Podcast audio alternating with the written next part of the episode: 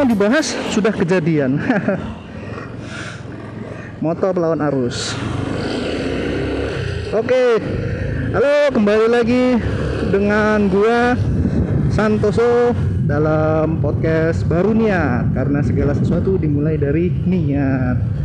Kembali lagi di episode dari motor episode di mana gua selama naik motor dari kantor menuju kosan atau sebaliknya gua aku bakal menceritakan uh, hal-hal yang menurut gue menarik atau uh, asik untuk jarak kosan gua menuju uh, kantor sekitar ya 15 sampai 20 menit tergantung kecepatan dan kondisi jalan.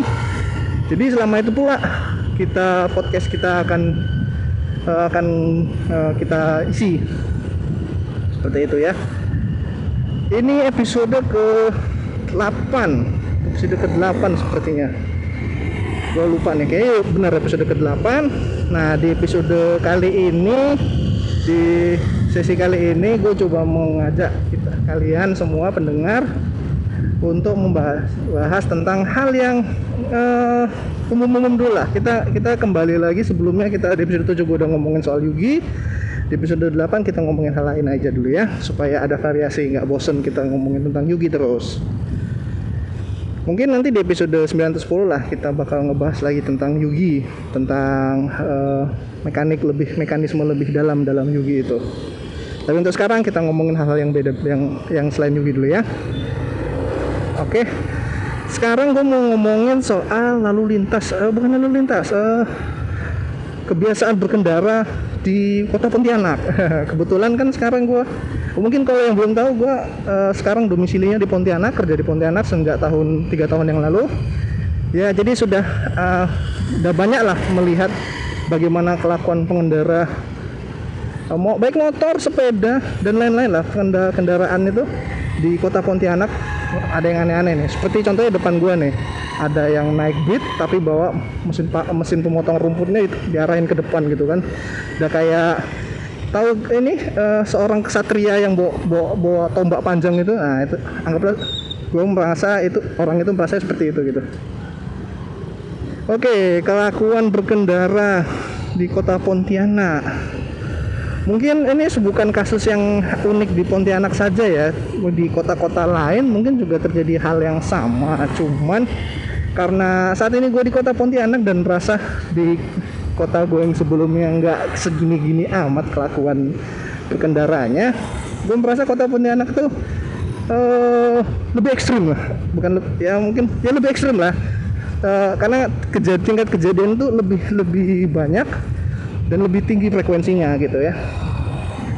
Nah, yang pertama dari kita mulai mengomentari soal apa? Masalah ini kebiasaan berkendara naik motor. Kalau kalian mungkin ya biasa lah di di di sana atau di kota kalian mungkin para pendengar uh,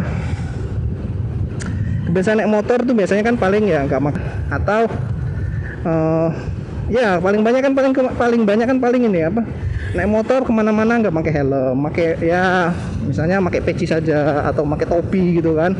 Nah itu tuh kalau di Pontianak cukup banyak hal seperti itu. Ditambah lagi kelakuan yang selengean jadi kayak merasa uh, bawanya tuh cepet banget bawanya tuh uh, kayak merasa sangat aman lah gitu. Padahal dia tuh ya resiko uh, ketika kecelakaan terus jatuh dan mengenai kepalanya kan tinggi juga kan itu. Kalau nggak ada perlindungan kepala untuk helm rasanya kan berbahaya juga kan seperti itu. Nah itu salah satu dari kebiasaan berkendara nggak pakai helm. Yang kedua adalah lawan arus. Wah kalau lawan arus sih di sini udah kayak apa ya udah kayak hal yang biasa aja gitu. Jadi pernah gue ada jalur dua jalur nih kan? Dua jalur kan berarti jalur yang dipisahin sama separator kan? Maksud gue dua jalur itu.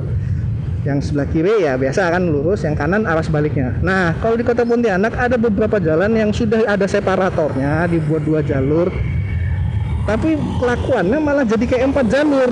Paham nggak maksudnya jadi misalnya di jalan sisi kiri ya separator nih. Nanti ada yang ke arah lurus nanti ada juga yang ke arah sebaliknya gitu. Itu dua itu udah dua dua arah. Di di jalan yang sebelah sebelah yang sebelah kan separator sama juga uh, apa? Ada yang ke kiri ada yang lurus ada arah sebaliknya gitu. Aneh gitu. Jadi kayak nggak ada gunanya gitu uh, separator tuh nggak ada fungsinya gitu. Nggak mengungsikan kalau misalnya sebelah kiri itu adalah untuk jalur yang kita sebelah kanan untuk jalur yang berlawanan arah. Tapi semuanya dihantam semuanya dipakai untuk uh, arah arah dua-duanya gitu. Kenapa demikian? Mungkin ya satu karena di jalan tersebut emang bukan jalan yang bisa dibilang jalan utama sih. Emang lokasi jalan tersebut ada di di daerah di pinggir kota lah bisa dibilang seperti itu. Di daerah pinggiran kota pinggiran kota Pontianak di mana uh, masing-masing tuh ada gangnya ada gang dan apa ada gang menuju ya rumah atau ruko masing-masing gitu ya. Dan yang yang kurang dari sini itu adalah uh, apa sih namanya tuh putarannya kurang gitu. Jadi misalnya nih ada jalan sepanjang 2 km mungkin putarannya cuma dua atau tiga atau bahkan cuma satu gitu. Nah itu yang membuat orang tuh males muter jalan muter lurus terus balik arah gitu. Orang lebih suka langsung lawan arus aja gitu.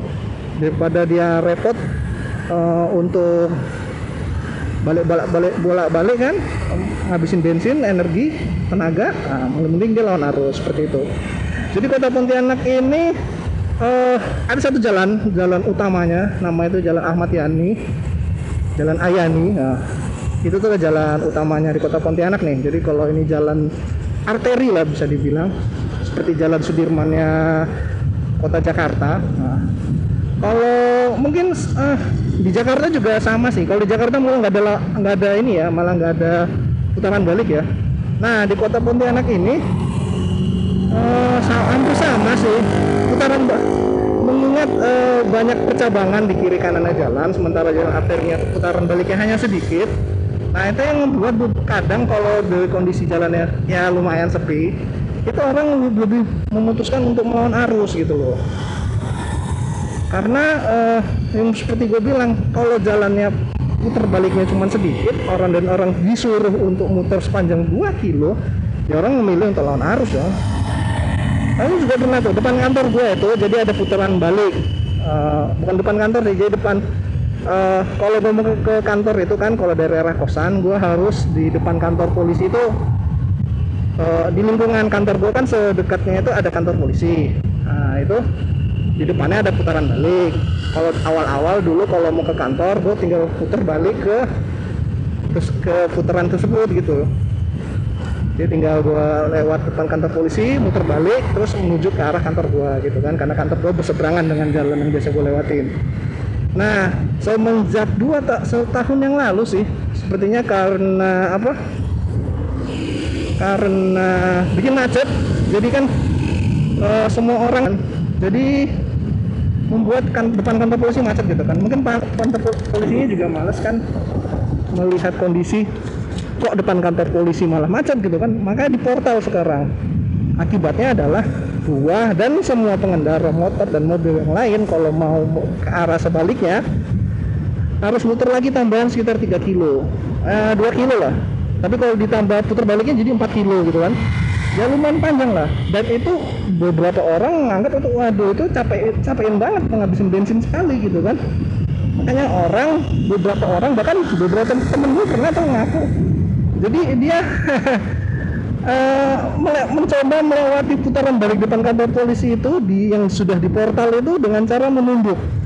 Kebayang nggak sih? Jadi motornya lu pelanin terus di di bawah di pas di putaran baliknya yang ada portal tuh lu menunduk menunduk nunduknya supaya pala lu nggak kena portal terus masuk ke putaran balik dan ya udah putar balik gitu aja. Karena memang tidak ditutup sih memang nggak di tutup secara permanen cuma di portal aja. Karena mungkin karena kantor polisi juga suatu saat bakalan dibuka kan kalau misalnya ada bos atau tamu kan. Ya polisi kan bebas aja gitu kuasa dia untuk melakukan hal itu. Cuman ya itu uh, malah jadinya dimanfaatkan oleh masyarakat untuk oleh masyarakat untuk uh, itu melewat di belakang portal ya. Nah ini nih itu yang bikin uh, masyarakat jadi males lawan apa nanti lalu lintas dan lawan arus terus masalah ketiga adalah wah ini ini kayaknya hal yang unik lah. Yaitu ngobrol di pinggir ngobrol ngobrol sambil naik motor. Tapi bukan yang seboncengan. Yang tipe ini loh yang dua orang motor masing-masing naik motor terus dua-duanya ngobrol naik di atas motornya sambil jalan gitu. Jadi lu kayak jalan beriringan gitu naik motornya. Nah itu tuh yang bikin kesel itu di sini tuh. Karena makan jalan dan juga kan mereka kalau ngobrol tuh kan nggak mungkin kecepatannya tinggi kan? Mereka pasti kan kecepatannya ya sedang sedang lambat gitu kan. Sementara kita kan mau cepet gitu. Dan dan space jalannya habis untuk mereka berdua. Jadi karena melintang gitu kan. Setengah jalan buat mereka buat mereka sendiri ngobrol kan. Ah gue sih kesel banget kalau ada ada yang ngobrol gitu. Gue mikirnya gini ya tinggal berhenti aja tuh baru ngobrol gitu kan duduk Ayo, apa? Oh, duduk iya gimana kah di warkop kah? Di mana? Ngobrol gitu selesaikan ngobrolnya baru jalan gitu. Jangan sambil jalan sambil ngobrol. Kalau mau ya boncengan lah motornya nggak usah dua gitu kan. Nyebelin banget. Dan juga pernah sekali gue pernah ngeliat orang apa ya cowok nggodain cewek mot di sebelahnya gitu loh ya Allah. Jadi sama-sama ceritanya naik. Ya motor metik lah singkat gue ya motor metik si ceweknya di sisi sebelah kiri paling kiri jalan si cowoknya tuh agak ke tengah di sebelahnya terus nyolek nyolokin si cewek tuh sambil ngobrol si cowok ceweknya. Ya ya diem aja dan merespon seperlunya. Ya gue di belakang kesel kan ya udah gue klakson sekeras keras pun dan si cowoknya mundur uh, maksudnya dia langsung memberikan jalan ke gua. Lalu seceknya langsung ngegas. Mungkin itu pelecehan mungkin saat itu yang gue lihat itu bukan ngobrol karena si ya kalau harusnya kan kalau kalau misalnya uh, mereka mau teman kan setelah setelah memberikan gua jalan mereka bakal melanjutkan ngobrolnya lagi kan. Tapi enggak si ceweknya malah ngegas uh, ngejauh dari si cowoknya apa berarti si cowok-cowok yang mencolek itu pelecehan dan gue saat itu sedang menyaksikan pelecehan.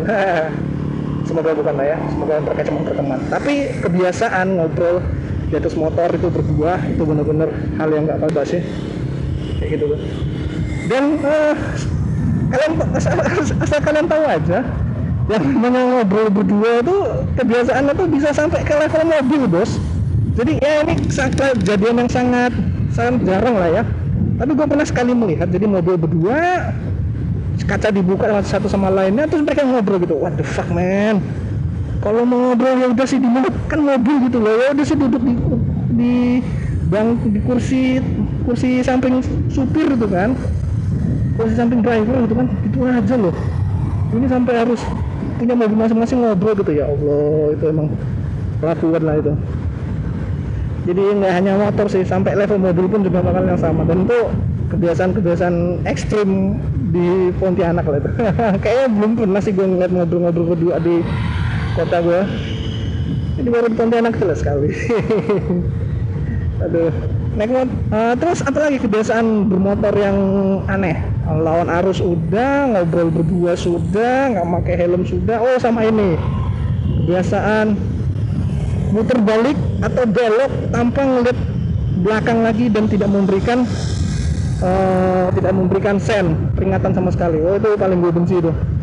Misalnya kayak ada putaran balik nih. Orangnya tuh ngambil tiba-tiba dia keluar dari gang paling kiri tiba-tiba dia langsung nyonong masuk motornya itu nggak kasih aba-aba nih nggak kasih kasih sen apa pun lurus langsung seng melintang depan gua.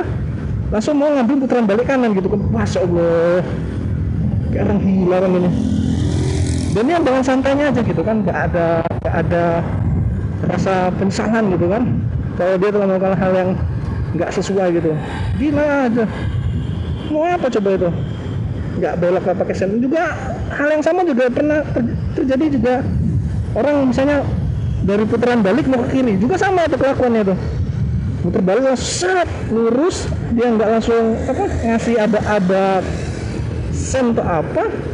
Dia langsung set ambil kanan. Ambil apa muter balik set, ambil kiri gitu. Lintang gila gue sangat disangkanya orang tuh uh, apa orang itu sigap semua gitu. Kalau lagi malam gimana? Ditabrak di belakang dia mau nyalain siapa? Pasti nyalain nyalain kita kan nah, dia yang ditumbur ke belakang. Tapi kan kan salah si bodohnya kan bodohnya si pengendara tersebut gitu. Bukan kita. Makanya kadang kesel banget gitu. Uh, mobil juga cuman kayaknya lebih jarang sih karena mobil lebih ngerti lah kalau kendaraan mereka tuh mahal gitu ya. Jadi mereka kendaraan berkendara tuh lebih normal lah lebih lebih beradab lah. Karena tahu kalau misalnya kecelakaan ya rugi mereka lebih banyak gitu kan terus eh, kelakuan lain yang aneh yang unik di Pontianak ini sama satu lagi ini. Keluar dari gang dengan kecepatan tinggi. Wah itu. Itu gila-gilaan juga tuh di sini. Di sini juga uh, sangat sering terjadi itu. Uh, bagi yang merasa tidak setuju um, kurang mainnya kurang jauh kali ya. Tapi oh, banyak kok. Mau siang mau malam. Apalagi kalau malam ya sudah semakin makin ini.